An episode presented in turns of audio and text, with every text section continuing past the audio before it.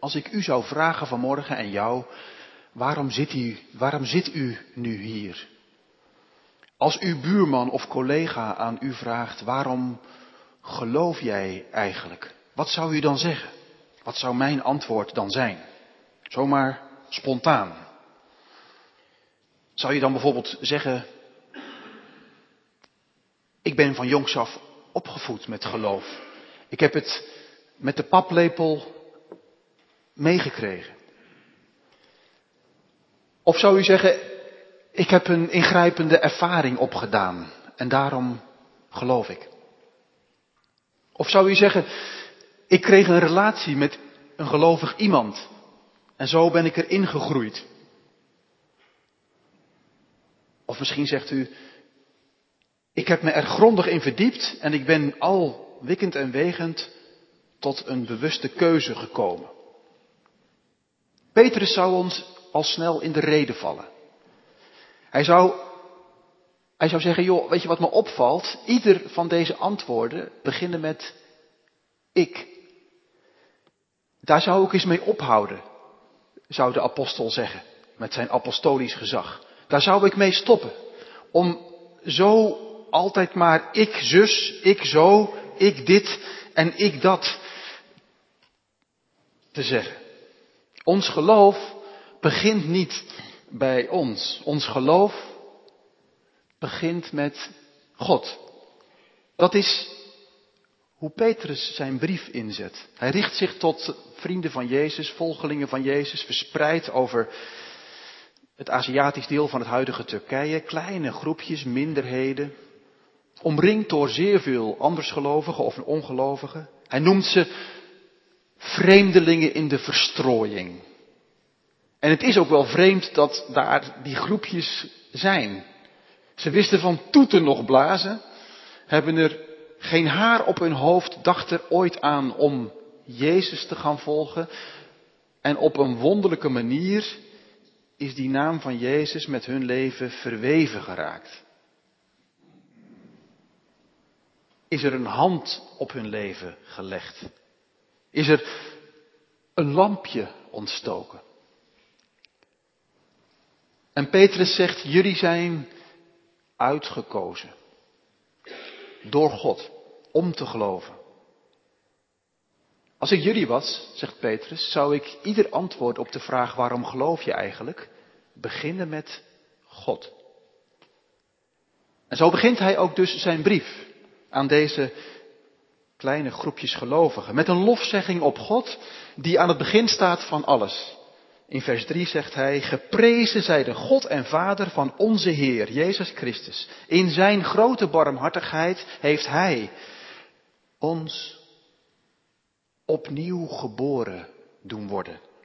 Door de opstanding van Jezus Christus uit de dood tot een levende hoop. Ik wilde vanmorgen, ik zei het al, even stilstaan bij die ene zinsnede. Opnieuw geboren doen worden.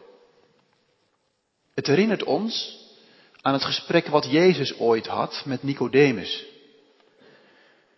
Nicodemus ging nogal prat op zijn kennis, zijn inzichten. Hij was een schriftgeleerde, gepokt en gemazeld in een traditie. En Jezus blaast het weg. En hij zegt, het koninkrijk binnengaan is een zaak van opnieuw geboren worden. Van boven geboren worden. Geboren worden uit water en geest. In de Bijbel wordt dat wonderlijke werk van God in deze wereld, hoe Hij zijn koninkrijk vestigt, ook in ons individuele leven, vaak, vaker beschreven in termen van een geboorte. In Romeinen 8 zegt Paulus dat eigenlijk over het grotere plaatje van deze wereld. De gebroken wereld waarin wij leven, zegt hij, kreunt en zucht als een vrouw in barensweeën, in geboorteweeën. Nou, de helft van ons, zoals we hier zitten, weet hoe dat voelt. En de andere helft heeft er vol verbijstering bij gestaan. Die, die krampen, die, die weeën, die iets heel moois aankondigen, maar intussen door merg en been gaan. Paulus zegt er nog iets bij. Hij zegt, de geest van God zucht en kreunt met de schepping mee. Kijk, geboren worden is iets wat het kindje zelf overkomt. Van een beschutte plek komt het door het geboortekanaal in het licht en gaat het leven en ademen. Maar er wordt wel degelijk, het kindje ontvangt het. Maar er wordt hard, pijnlijk werk verricht door de moeder. En dat is, dat is wat God doet. Het harde, pijnlijke werk van een geestelijke bevalling. Een nieuw begin.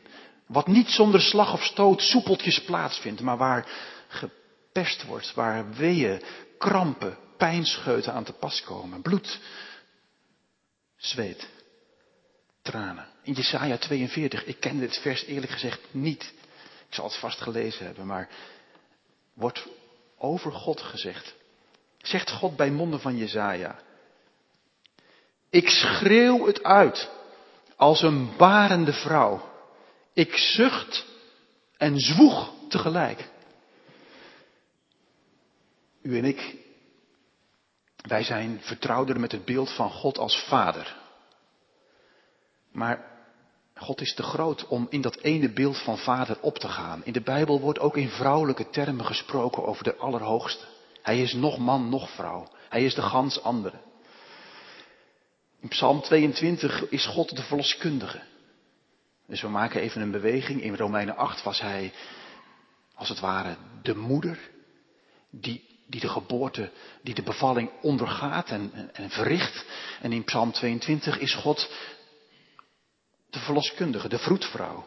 Daar staat, u hebt mij uit de buik van mijn moeder gehaald, mij aan haar borsten toevertrouwd. Bij mijn geboorte vingen uw handen mij op. Vanaf de moederschoot bent u mijn God. En ook Jezaja pakt op in een ander hoofdstuk dat beeld van een zorgende moeder uh, op en zegt tegen Israël, tegen u, je zult op de heup gedragen worden en worden gewiegd op haar schoot. Zoals een moeder haar zoon troost, zo zal ik jullie troosten, zegt de Heer. Jesaja 66. En in Jesaja 49. Kan een vrouw haar zuigeling vergeten? Of harteloos zijn tegen het kind dat zij droeg? Zelfs al zou ze het vergeten, ik, de Heer, zal u nooit vergeten. Ik heb je in mijn handpalmen gegrift. Vrouwelijke termen om het hart van God open te leggen. Jezus vergelijkt God met een vrouw die op handen en voeten door de huiskamer gaat van deze wereld, over de vloer van deze wereld kruipt, om dat ene muntje te vinden op de meest vuile afgelegen plek. En als hij de stad Jeruzalem ziet en zijn hart breekt, komt daar weer zo'n vrouwelijk beeld en zegt hij, hoe vaak heb ik jullie bijeen willen vergaderen, zoals een hen haar kuikens. Jullie hebben het niet gewild. Weet je wat het mooie is van al die vrouwelijke beelden? Ze laten zo teder en fijngevoelig zien hoezeer wij in alles afhangen van God. Dat ons hele bestaan, ons hele leven, geheel en al te danken is aan God. Hij is het begin en het einde. Dat is wat Peter zegt tegen die verstrooide groepjes christenen in den vreemde. Hij heeft ons uitgekozen en ons opnieuw geboren laten worden. Die uitdrukking opnieuw geboren worden hebben we in de leefregel ook gezien in vers 22, 23. En dan zegt Petrus, jullie worden geboren door het woord. Een collega-predikant reikte mij het volgende beeld daarbij aan. Geboren worden door woorden, hij zei, bedenk dan het volgende plaatje.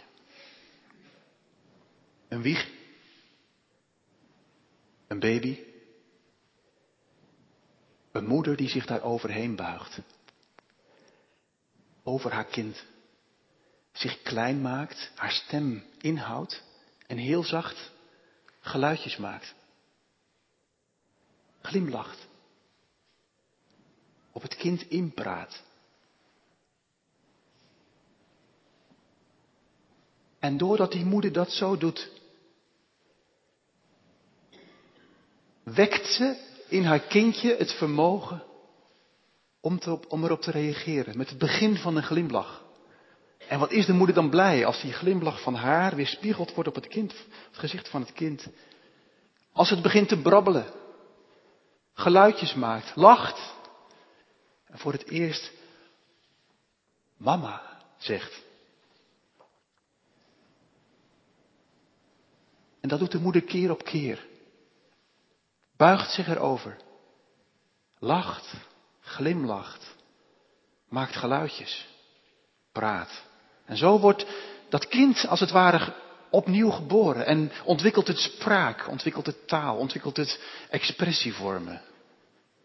En zo buigt, zo buigt God zich over u, jou, mij.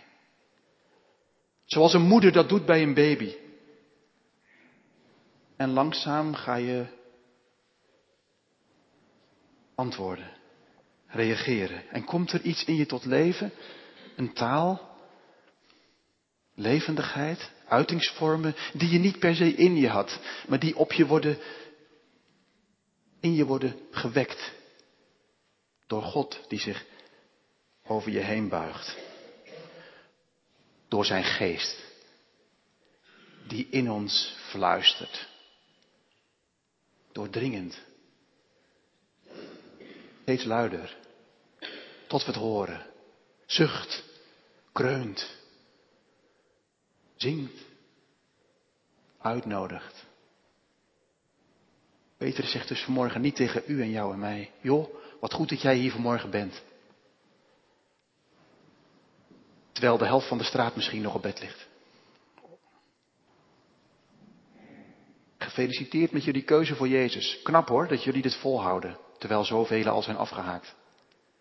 Nee, dat is niet de manier waarop Petrus leeft, praat en denkt. Ik heb van mezelf helemaal geen talent voor geloof, zou hij zeggen. Ik breng dat zelf helemaal niet op. Ik ben ten diepste geen haar anders dan mijn collega's op het werk die nergens aan doen. De enige reden, het enige geheim achter waarom ik hier zit, is dat u, Heer, zich over mij hebt ontfermd, gebogen.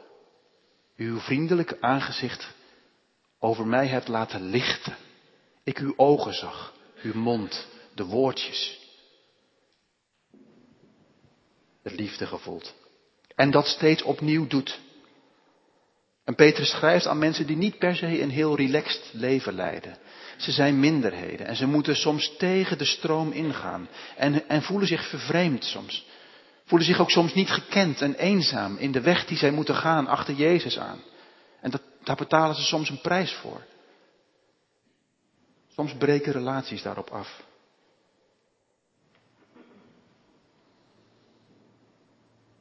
En heel bewust, als Petrus tegen zulke mensen, aan zulke mensen schrijft, begint hij alle nadruk te leggen op het begin in God. En hij zegt, daarom mogen jullie hoopvol zijn gestemd. Ook al ben je zelf kwetsbaar en fragiel in je geloof. Jullie mogen een levende hoop zijn. En het hoopvolle is dan dit. Het begin, de voortzetting en het einde van je geloof hoeft niet te komen van jouw vastberadenheid. Van de energie die jij erin stopt, of u. Of ik het zal blijven volhouden en de finish haal, hangt niet af van mijn vastberadenheid. Van mijn commitment. Het heeft een veel diepere basis, een veel steviger fundament. Want het ligt vast in God. En, zegt collega apostel Paulus in Filippenzen 1, ik vertrouw erop dat Hij, die in u een goed werk begonnen is, dat voltooien zal. Tot op de dag van Jezus Christus. Beste vrienden, beste broers en zussen in het geloof. Ons geloof is op geen enkele manier begonnen met onszelf. Wij laten steken vallen. Wij maken soms ongelukkige keuzes. We missen kansen. En er is een stem in mij die mij aanklaagt. En er is veel waarvoor, waar ik me voor schaam. Dat ik hier toch ben vanmorgen. En dat ik genodigd word om een plekje te vinden in de kring van Gods huisgezin, aan zijn tafel. Is omdat Hij op mij inpraat. Zijn stem is sterker dan de tegenstemmen. Zijn ja is krachtiger en aanhoudender dan mijn jamaars, dan mijn nees, dan de tegenspraak in en om mij heen. En omdat u op mij inpraat, Heer, keer op keer, in uw woord en door uw geest, is er in mij een hoop geboren, een levende hoop. Omdat uw vergeving groter is dan mijn tekortschieten. En omdat uw liefde sterker is dan mijn soms zo verkilde hart. En omdat uw genade overvloediger is dan mijn tekort. Halleluja. Amen.